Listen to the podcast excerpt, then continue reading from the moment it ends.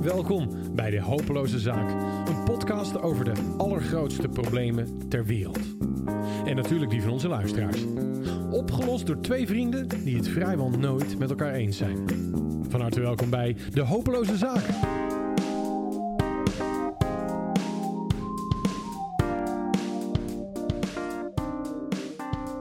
Daar zijn we. Episode 2, want we noemen ze nu episodes, hè?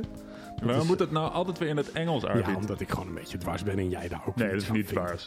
Je hebt de vorige keer toen we gingen uploaden met episode 1, dames en heren, die dus nu in het nieuwe concept dankzij Mike online is, ging Daniel mekkeren over de Google tags of het trainmaatje op de E van Daniel stond. Nou, Nou ja, zo- en je introduceert zo'n man is nieuw concept. Nieuw concept. en er staat nu een nieuw concept. Ja, beter. Goed, eh, ook die reacties. eh, steun Daniel, steun mij. eh, Giro 5. eh, nee, goed. Ehm, we gaan helemaal niet, we gaan niet een te lange intro doen. Wij gaan namelijk vandaag bellen met Ingmar. Vertel even Daniel, wie is Ingmar? Ja, Ingmar die heeft een vraag ingestuurd. Ingmar is welzijnswerker in Almere. Nou, dat is een hartstikke mooi vak. Dat is bekend terrein voor jou. Ja, dat is zeker bekend terrein. Ja, Ingmar en ik kennen elkaar ook een beetje vanuit het werkveld. We delen ons beroep. Dus dat is mooi. Ja, meer delen jullie nog niet. Nee, nog niet. Nee, maar ja, straks delen we een podcast. Eh, ik stel voor dat we hem snel gaan bellen, want ik ben wel... Ik weet niet helemaal wijs uit zijn mailtje, dus ik ben wel eh, nieuwsgierig naar zijn, eh, naar zijn vraag. Nou, we gaan gewoon eens kijken of hij opneemt. Want dat is natuurlijk dan de hamvraag, hè, of iemand opneemt. Kijk, hij gaat over. Ga jij eh, zo opnemen? Hij kent mij niet. Kent hij mijn nummer wel? Nee, denk ik niet. Dus denkt hij, wie is die gek? Goedemorgen. Dag Ingmar, met Daniel en Daar met zijn we David. dan. Goedemorgen. Ja, hoi, goedemorgen. Mo- moest je nog even met iemand anders praten? Je, je was- ja, inderdaad. Eigenlijk echt letterlijk ook op die manier. Ik moest even met iemand anders praten. ja, en nou praat je met ons. Wat een feest.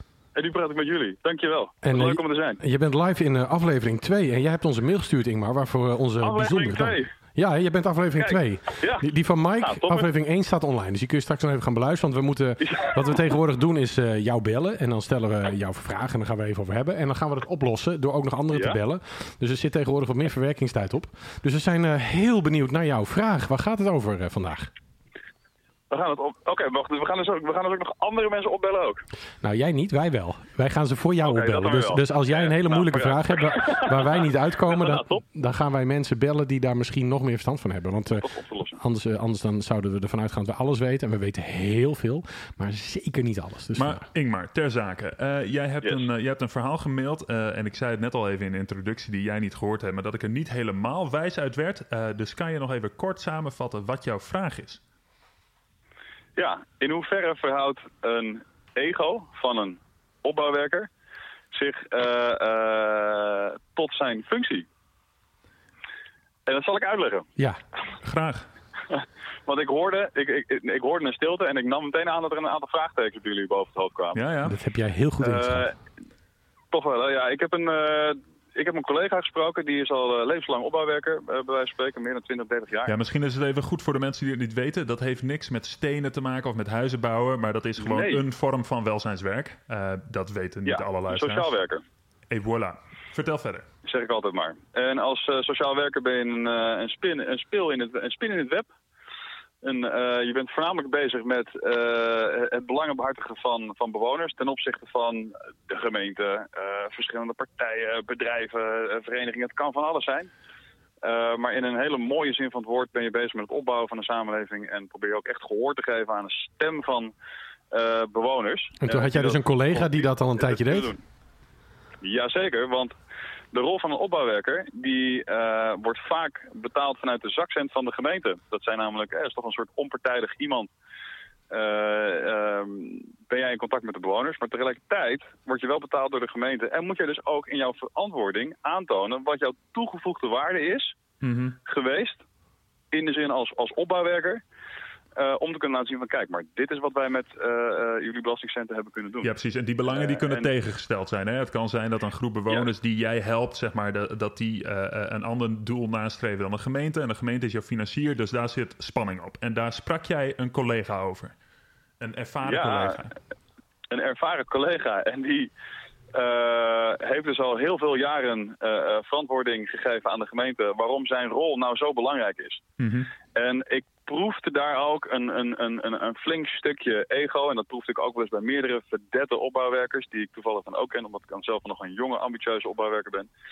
Uh, waarbij hij zich uitliet van, ja, weet je wel wie ik ben? Ik heb een hele winkelstraat jarenlang opgebouwd. Naam en toenaam, dit ben ik. En uh, ik had echt zoiets van, nou, wat is dit, jongen? Maar was dat intimiderend? Want jij zegt, ik ben een jonge, talentvolle uh, opbouwwerker. Is dat intimiderend als nee, mensen dat talentvol, doen? Dankjewel voor het compliment, maar jong en ambitieus. Ambitieus, okay. nou, ik vond het niet intimiderend. Ik vond het, ik vond het, en bescheiden, dankjewel. Ik vond het vermakelijk. Uh, want ik, het, het, ik, kon het compleet loskoppelen van mezelf en het was een telefoongesprek. Uh, dus ik had daar verder geen vorm van intimidatie uh, of gevoel van intimidatie bij. ik vond het wel vermakelijk. Ik had echt zoiets van, oké, okay, dit is een bepaalde, bepaalde overtuigingen of gedachten die deze collega heeft. Uh, waarbij hij zichzelf een bepaalde positie aanmeet. En ik koppel dat wel meteen even aan zijn ego. Ik denk, nou ja, god jeetje. Maar jij zegt eigenlijk, mij... door, doordat mensen continu verantwoording moeten afleggen... gaan ze eigenlijk veel te veel ja. geloven in hun eigen kunnen en in hun eigen verhaal. Waardoor ze uh, ja. een, een, bijna een onaangename persoonlijkheid ontwikkelen. Zeg ik dat goed? Ja, of toch? Ja, ja, dat, ja, dat is een, een, een mooie samenvatting. En ja, hoe, hoe, ga jij voorkomen dat jou niet overkomt? Want jij bent die ambitieuze, bescheiden opbouwwerker. Uh, en jij gaat straks. Uh, en dan komt de gemeente, en dan ben ik de gemeente. zeg ik, Immar, wat heb je gedaan afgelopen jaar? En dan moet jij dat ook. Ga jij dat dan niet doen? Uh, ik denk dat je dat vooral moet loskoppelen van jouw rol als opbouwwerker en jouw identiteit als persoon. het is, ja. Maar dat je wat moet loskoppelen? Um, jouw rol als opbouwwerker en jouw toegevoegde waarde in de wijk door bewoners in hun kracht te zetten of door bewoners te verzamelen en een eenduidig geluid te vormen naar de gemeente, dat zijn allemaal uh, handelingen die jij moet, uh, die jij moet verrichten. Een, kan een langdurig proces zijn om uh, jouw toegevoegde waarde naar de gemeente toe te kunnen terug te koppelen eigenlijk. En wat is, nou, wat is jouw en... concrete vraag dan? Is dan jouw vraag, uh, want wij, wij lossen vragen en problemen op. Is jouw probleem dat wij uh, een systeem hebben gecreëerd waarin je eigenlijk je ego wel moet boosten om geloofwaardig te zijn bij de gemeente? En is jouw vraag, hoe kan ik nou succesvol worden zonder mijn ego zo te vernachelen? Hoe hou je je eigen ego intact? ja? Nee, hoe blijf je, hoe blijf je bescheiden zonder uh, echt een bepaalde vorm van uh, misplaatst ego te, te, te, koppelen aan de verantwoordingen die je er al die jaren heen moet, moet afleggen? Ja, hoe behoud je dat? hoe, hoe hou je jezelf erop scherp? Zonder dat je meteen als een mega haantje de voorste iedere keer als een mega gorilla op je borst aan het kloppen bent. Ja. Nou, volgens mij kunnen wij dat gaan uitzoeken, Daniel, of niet? Zeker. Ingmar, ontzettend bedankt. Fijn dat je even tijd had. Wij gaan voor jou aan het werk. Jij hoort het resultaat in de opname en we sturen jou het linkje als hij klaar is. Jongens, jullie zijn toppers. Maak er een prachtige dag van. Tot gauw. Hey, fijne dag, Ingmar. Hoi. Hoi, hoi. Nou, dat was Ingmar, Daniel. Ja, man. Wat gaan we doen? Wie gaan we bellen? Want, want dit is echt uh, jouw cup of tea, uh, moet ik zeggen. Ja, ik zit even te denken. Want ik ken eigenlijk... Um, uh, ik ken één iemand die beide kanten van het verhaal goed kent. En dat is aan de ene kant ja, de bewonerskant, om het zo maar te zeggen. Dus de doelgroep waarmee de sociaal werker, de opbouwwerker werkt. En aan de andere kant dat hele gemeenteding en de theorie uh, van het verantwoorden. En dat is Kees Fortuin. Kees Fortuin. Ja, als ik zijn naam moet ik altijd denken aan Guus Geluk. Ja. Ja, uh, maar hij is een stuk sympathieker. ja. dat scheelt. Hey, zullen we die gewoon eens gaan bellen dan?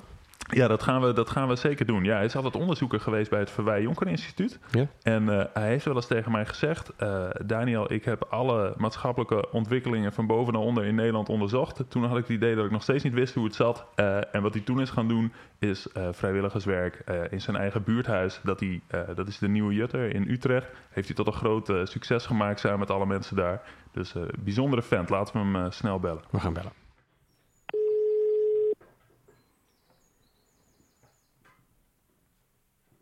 Hallo, met Kees. Dag Kees, je spreekt met Daniel. En, Hallo. Ar en Arvid, mijn uh, collega podcastmaker, die, uh, die is er ook. Zo is het. Dus het is, Oh, okay. het is een dolle gezelligheid, uh, Kees.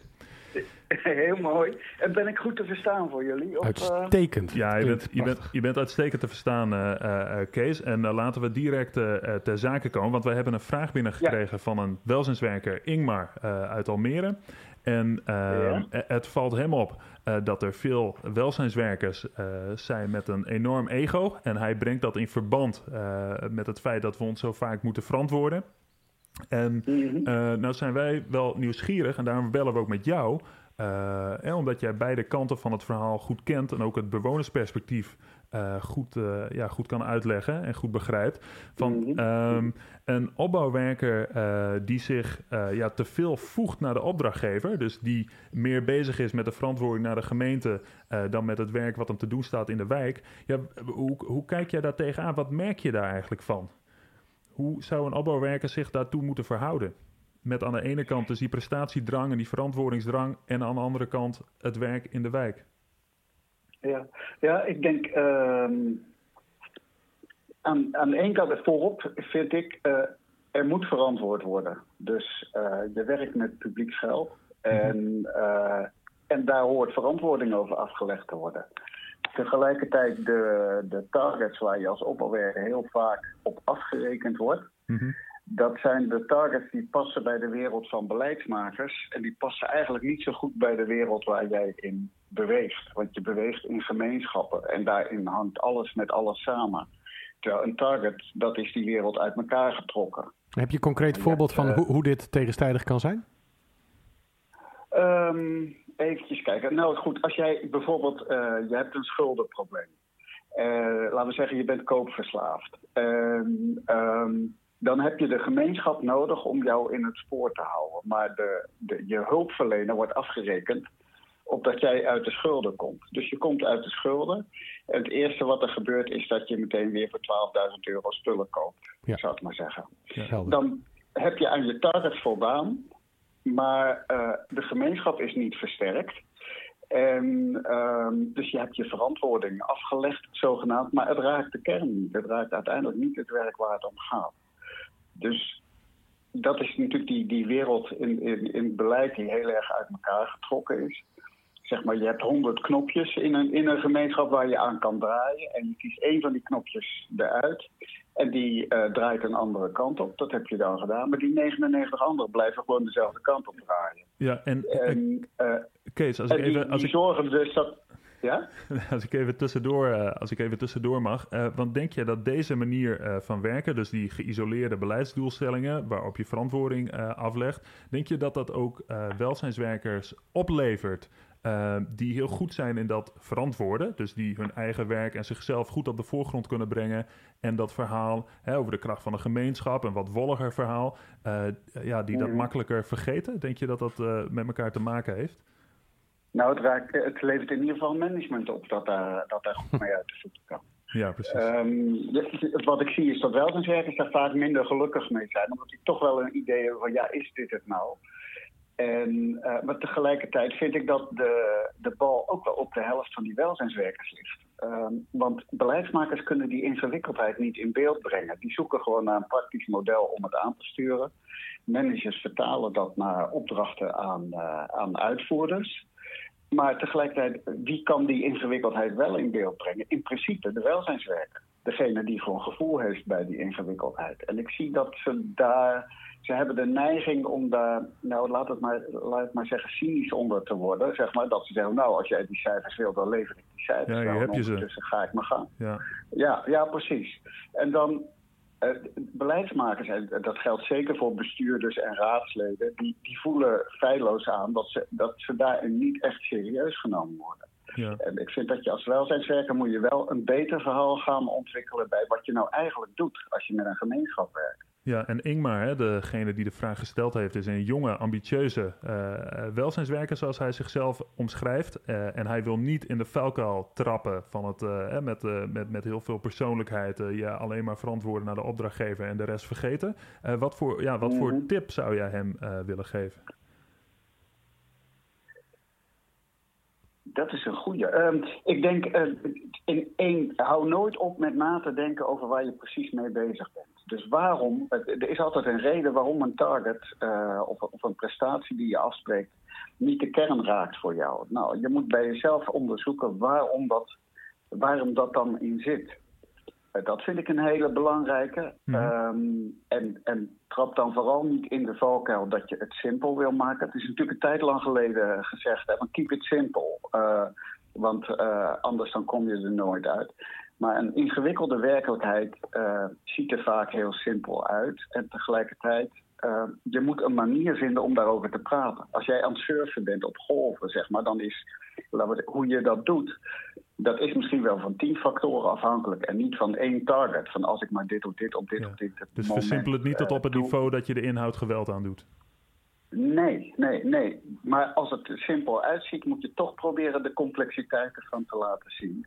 En, en uh, dat, dat is mogelijk. Hey, en, Ik denk dat je dat kan. Ingmar die heeft ook een beetje zoiets van: ja, maar als ik me dus ga verhouden tot die bestuurders en die beleidsmakers, hoe, hoe voorkom ik nou dat ik meegesleurd word in hun perspectief, waardoor ik eigenlijk een soort verhaal ontwikkel dat de waarheid dus geen recht aan doet? Hoe voorkom je dat je meegesleurd wordt in, in dat spel? Uh, ik denk één, je moet ze serieus nemen. En dat betekent dus dat je niet meegesleurd wordt in dat spel als je denkt dat dat spel niet klopt. En aan de andere kant zoek de verbinding met de gemeenschappen waar je voor werkt. Want daar, is in, daar ligt de sleutel. Dat is uiteindelijk het, de kern van het werk wat je doet. Als dat werk aan gemeenschappen niet past bij de manier waarop beleid in elkaar zit, dan moet je dus proberen na te denken over hoe zou, welk beleid zou er dan wel bij passen. Kees, jouw verhaal is ons uh, helemaal duidelijk. Super bedankt. Uh, en ik wil je uh, van harte bedanken voor, voor jouw verhaal vandaag, Kees. Graag gedaan. oké, okay, nou, we spreken okay. elkaar snel weer. Dankjewel. Ja, oké, okay, hoi. Leuk man, een bijzondere man. Leuk. Hey, uh, hij zegt eigenlijk, de, de truc zit dat je dus nooit moet vergeten waar je vandaan komt. Dat je echt in contact moet blijven met die gemeenschappen. Nou is dit het verhaal van een uh, absolute expert. Kunnen we nog, nog een ander perspectief inbrengen? Ja, zeker weten. Want we missen nu een belangrijke uh, kant van het verhaal. En dat is de kant van de beleidsmaker.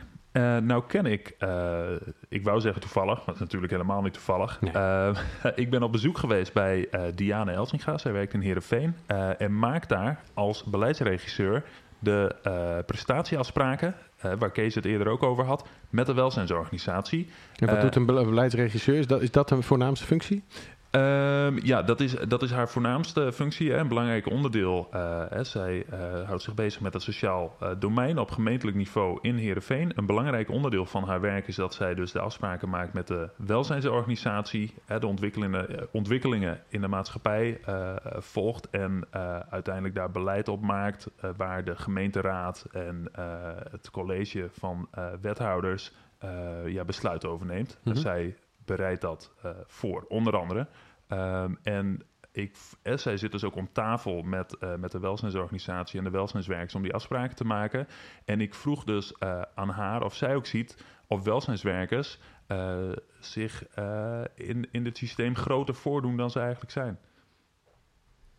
Nou, ik weet niet of de, of de opbouwwerkers zich echt groter voordoet dan ze eigenlijk zijn. We hebben verantwoording in de gemeente Heerenveen zo geregeld uh, dat we prestatieafspraken hebben. Mm -hmm. En die prestatieafspraken, uh, dat is ook gewoon uh, voor een groot deel ook mede afhankelijk van wat een opbouwwerker bijvoorbeeld zelf aanlevert. Van hé, hey, waar moeten we mee bezigen dit jaar? Wat zie ik in mijn praktijk?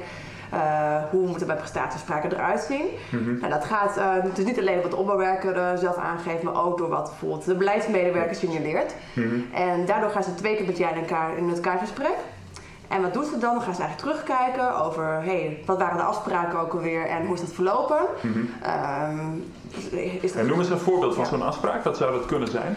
Nou, bij de opbouwwerk is bijvoorbeeld een afspraak dat ze bijvoorbeeld bewonersgroepen moeten ondersteunen. Ja, precies. Uh, nou ja, dan gaan we even kijken, is dat gelukt? Zijn er bijzondere dingen uitgekomen? Um, heb je meer goed ondersteund of minder? En waar lag dat dan aan? Waar dat de lastige problemen die je tegen bent gekomen? Uh, nou, dat is een voorbeeldje. Mm -hmm. uh, de opbouwwerk is meteen ook een beetje lastiger, denk ik, van het welzijnswerk. Oh ja, waarom?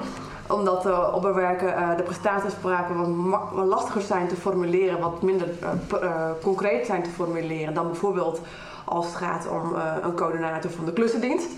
Hè, daarbij kan je toch wat meer kijken van hè, dit zijn een aantal klussen, dit zijn een aantal tuinklussen die ik moet doen, dit zijn een aantal ja. binnen, dus zoveel vrijwilligers heb ik te ondersteunen. Die ja. resultaten zijn misschien duidelijker. Ja, die resultaten zijn duidelijk vooraf ook al te bedenken. Ja. Waar spreek je dan wat over af? Spreek je iets af over aantallen of over ontwikkelingen of, of over inspanning? Waar, ja, die hebben de opbouwwerkers, uh, we hebben het, uh, onze welzijnsorganisatie heeft over 18 of 19 producten of diensten, noemen we het maar even. En de opbouwwerkers is er één van. Mm -hmm. uh, het gaat vooral om inspanning. We gaan vooral kijken, oké, okay, waar ga je het komende jaar op inzetten? Mm -hmm. gaat het om meer um, groepsactiviteiten voor een bepaalde doelgroep? Of ja, ga je inzetten op de energietransitie bijvoorbeeld, ja. wat een heel actueel thema is? En bovendien zijn we nu wel aan het kijken van, hey, kunnen we ook een andere manier gebruiken van verantwoording? Uh, de en samen kijken naar wat je eigenlijk doet is er één van. Maar je kan bijvoorbeeld ook kijken uh, naar tevredenheidsonderzoeken. Dus zijn we nu aan het kijken of kunnen we voor de komende periode ook eens één of twee um, zones eruit pakken in onze gemeente. Mm -hmm. Waarbij ook gaat kijken met wie. Ja, een zone is een werkgebied, hè? Ja, een werkgebied, ja. ja. Uh, en waarbij je gaat kijken met elkaar van met wie heeft bijvoorbeeld de opbouwwerken allemaal te maken heeft in de dagelijkse praktijk. Mm -hmm. Dat kunnen van inwoners zijn tot bewonersgroepen, vrijwilligersorganisaties, uh, maar ook professionals zoals wijkagenten, huisartsen, noem maar op. Mm -hmm. Dat we gaan kijken, kunnen we ook tevredenheidsonderzoek uitvoeren om te kijken wat voor ervaring hebben andere mensen hè, met de inzet ja. van de opbouwwerken. Nou, wat een beetje de, de, de achtergrond van de vraag van Ingmar was, uh, is dat hij het gevoel heeft dat nou, in zijn geval opbouwwerkers dan zich wel eens nou ja, wat, wat groter voordoen. Of dat ze het misschien wel zichzelf wel een beetje opblazen of hun eigen rol uh, groter maken. Maar hoe, ja, hoe pik je dat eruit? Hoe, hoe beoordeel je dat? Nou ja, misschien dat het opbouwwerk onderling een beetje dat ervaren. Ik denk dat wij, uh, wij, wij gaan heel vaak graag met elkaar de dialoog aan. Dus dat doen twee keer per jaar zitten we sowieso bij elkaar als gemeente en opbouwwerk om tafel. En uh, we doen het echt aan de hand van die prestatiespraken. Dus we moeten aan de hand van die prestatiespraken aangeven wat ze doen met praktijkvoorbeelden. Maak het maar concreet. Ja.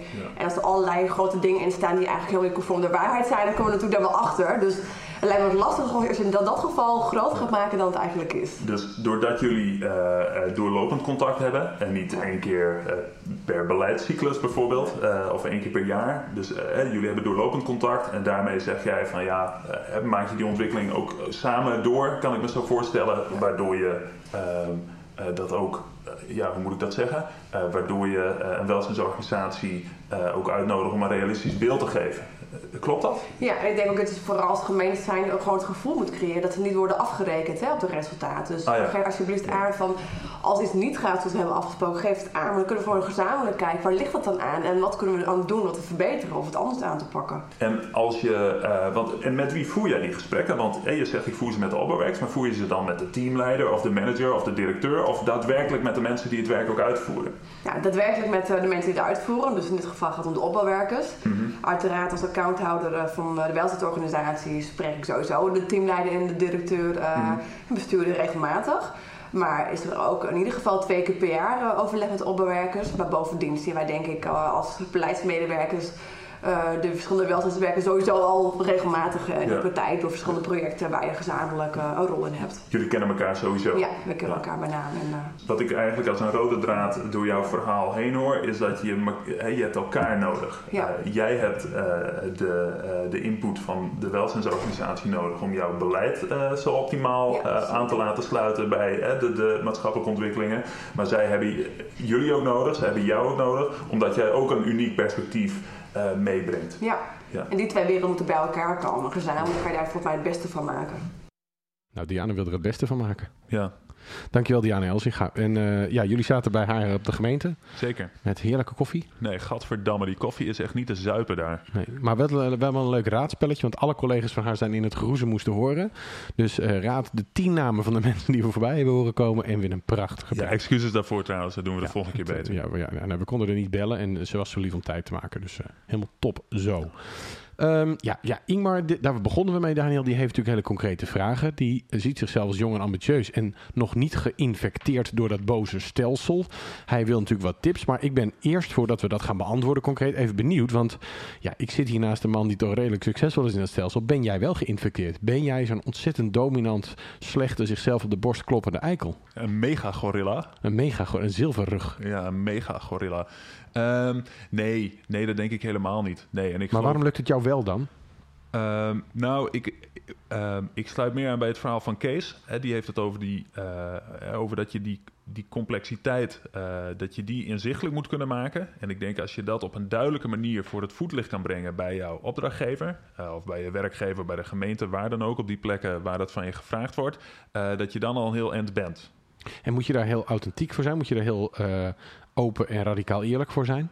Ja, ik denk wel dat uh, wat een belangrijke eigenschap is uh, voor, een, uh, voor een opbouwwerker, is, is dat je, de, ja, dit klinkt een beetje, dit klinkt afvreed. Ik wou zeggen recht door zee, maar dat kan ik niet meer zeggen zonder aan Rita Verdonk te denken. Nee, nee. terecht. Ja, okay. Ik denk wel dat Rita een hele goede opbouwwerker zou zijn. Ja, dat denk ik ook, ja. In bepaalde wijken, sommige wijken ook niet. Dat ze de wijk snel leeg krijgt. Ja. Maar eh, goed, eh, anyway. Nee, ik denk dat het belangrijk is dat je, eh, dat je, dat je vaart op je eigen waarnemingen... eh, die goed onder woorden kan brengen. Ehm, ja, wat is daarvoor nodig? dit- Standvastigheid, authenticiteit. Ja, maar dit zijn allemaal leuke eigenschappen. Zeg eens even, wat zijn je onhebbelijkheden waardoor jij dit allemaal kunt, eh, chef? Want eh, dit is allemaal te makkelijk. Wat, Nou. wat zijn je slechte eigenschappen van je denkt, nou, ze komen wel van pas? Ik zie je grijnzen, dus je hebt ze al lang eh, voor de bril. Nee, nee, nee, ik denk aan allemaal slechte eigenschappen. Ik denk, nou, die remmen me eerder dan... ja, slecht geheugen. eh, ja, eh, even denken. Waar ging het over? Ja, nee. maar nee, flauw. nee, even, even- serieus, want, want jij hebt, eh, heb jij ook, krijg je wel eens te horen dat je lastig bent, of dat je dwingend bent of dominant? Nee, dat durven mensen niet te zeggen, omdat ik dominant en dwingend ben. Nee, maar op strategisch niveau moet je toch een andere eh, eh, persoonlijkheid hebben? Nou, het gaat, het gaat ook om uithoudingsvermogen. Ik praat veel en als iets me aan het hart gaat, dan hou ik er ook niet over op. Ik denk dat mensen dat heel vervelend vinden, maar aan de andere kant denk ik ook eh, dat het nodig is eh, dat als jij gelooft eh, in de boodschap die je verkondigt, eh, dat je hem ook blijft verkondigen op de goede plek. En dat je dus ook een soort vuur voelt voor verandering. Dat je zegt, ja, fuck it, maar we gaan dit gewoon doen. Ja? Ja, maar dat is dus wel echt een karakter. Want even in eh, eh, Ingmar, want jij zegt op een gegeven moment van eh, mensen eh, ontwikkelen een onaangename persoonlijkheid door het werk en door de verleidingen in dat systeem. En dat beïnvloedt het ego. Ehm, vanuit mijn expertise, die gaat over gedragsverandering en leiderschapsbrein bijvoorbeeld, dan. Dan kan ik je echt verzekeren dat het eerder zo is dat mensen met een heel bijzonder dominant karakter dit werk willen doen, dan dat zij eh, lief en eh, bescheiden zijn en wederkerig en dat ze in dat systeem dominant worden. Dat kan eigenlijk helemaal niet. En dat heeft mede te maken met het feit dat de karakterstructuren van dominantere, sterkere mensen ook een hormonaal eh, eh, fragment en concept hebben. Dus mensen die bijvoorbeeld laag op dopamine scoren, eh, of, of een laag dopamine level hebben, die zijn vaker ontevreden en zullen dus meer streven naar succes. Mensen met een hoge serotonine voelen zich onveiliger en zijn dus meer op hun hoede en zijn dus ook directer in contact, voelen zich sneller aangevallen. Al dat soort zaken spelen mee. Dus de kans dat je dat in je werk ontwikkelt, acht ik vrijwel verwaarloosbaar. Kan je dat gewoon bijslikken trouwens, net als vitamine D? Nou ja, als dopamine dus... eh, eh, ja, nee, je kunt dopamine niet bijslikken... maar je kunt het, het, eh, het opmaken van dopamine remmen met antidepressiva. Dus dat is eigenlijk wat de antidepressiva doen. Die zorgen ervoor dat je dopamine niet opraakt... waardoor het level intact blijft... maar je krijgt ook geen pieken meer... dus je bent nooit meer gelukkig. Het leven is grijs in plaats van... Ja, dit, dit doen we in een andere, Dit doen we in een andere Doen we een andere pot. Ja, Gaan, we, gaan we het hierover hebben. Hartstikke leuk. Maar eh, Ingmar, jij vroeg natuurlijk een, een concreet advies. Jij bent jong en ambitieus. Jij zegt, wat moet ik nou doen? Nou, Kees zegt feitelijk, zorg dat je in contact blijft met die doelgroep. Je hoeft, terwijl je dat allemaal doet, niet bang te zijn dat ook jij beïnvloed raakt en geïnfecteerd. Jij blijft gewoon Ingmar. En die jonge ambitieuze gast die ontzettend veel liefde heeft voor zijn werk. Als je nou ook nog succesvol wil worden, Daniel, wat is jouw beste tip? Ehm, ja, je ogen open houden. Eh, goed kijken. Eh, en dat wat je ziet. ehm, hè, de Ingmar die is, eh, eh, naar ik aanneem, naar school, naar school geweest voor, voor het vak dat hij uitoefent. Weet ik veel, iets, hoe heette dat vroeger? De sociale academie of iets wat erop lijkt. Ehm, hè, dus met wat je weet, analyseer de situatie en eh, probeer dat zo goed mogelijk voor het voetlicht te brengen. Oefen dat van mij op je collega's. Eh, maar eh, blijf niet hangen in vaagheden. Ik, sorry Ingmar, maar ik, ik moet het even noemen. Ik hoorde je bijvoorbeeld zeggen mensen in hun kracht zetten. Ja, je mag iets specifieker zijn. En dan natuurlijk het allerbelangrijkste, wees van waarde voor de mensen met wie je werkt. Eh, je hoeft dus niet bang te zijn voor je ego. Dat eh, mag je gewoon intact laten. Het feit dat je ons hebt gebeld eh, vinden wij echt een fantastisch teken van jouw eigenheid. Dus dat maakt dat wij heel veel vertrouwen hebben in jouw carrière, Ingmar. Dit was episode 2, of zoals Daniel zegt, aflevering 2. Want die houdt het heel erg graag Nederlands. Misschien kunnen we het ook in het Fries doen. Was aflevering 2 in het Fries? Ik heb geen idee. nee, ik ook niet. nee. Sprak ik maar Fries. Iets met twa.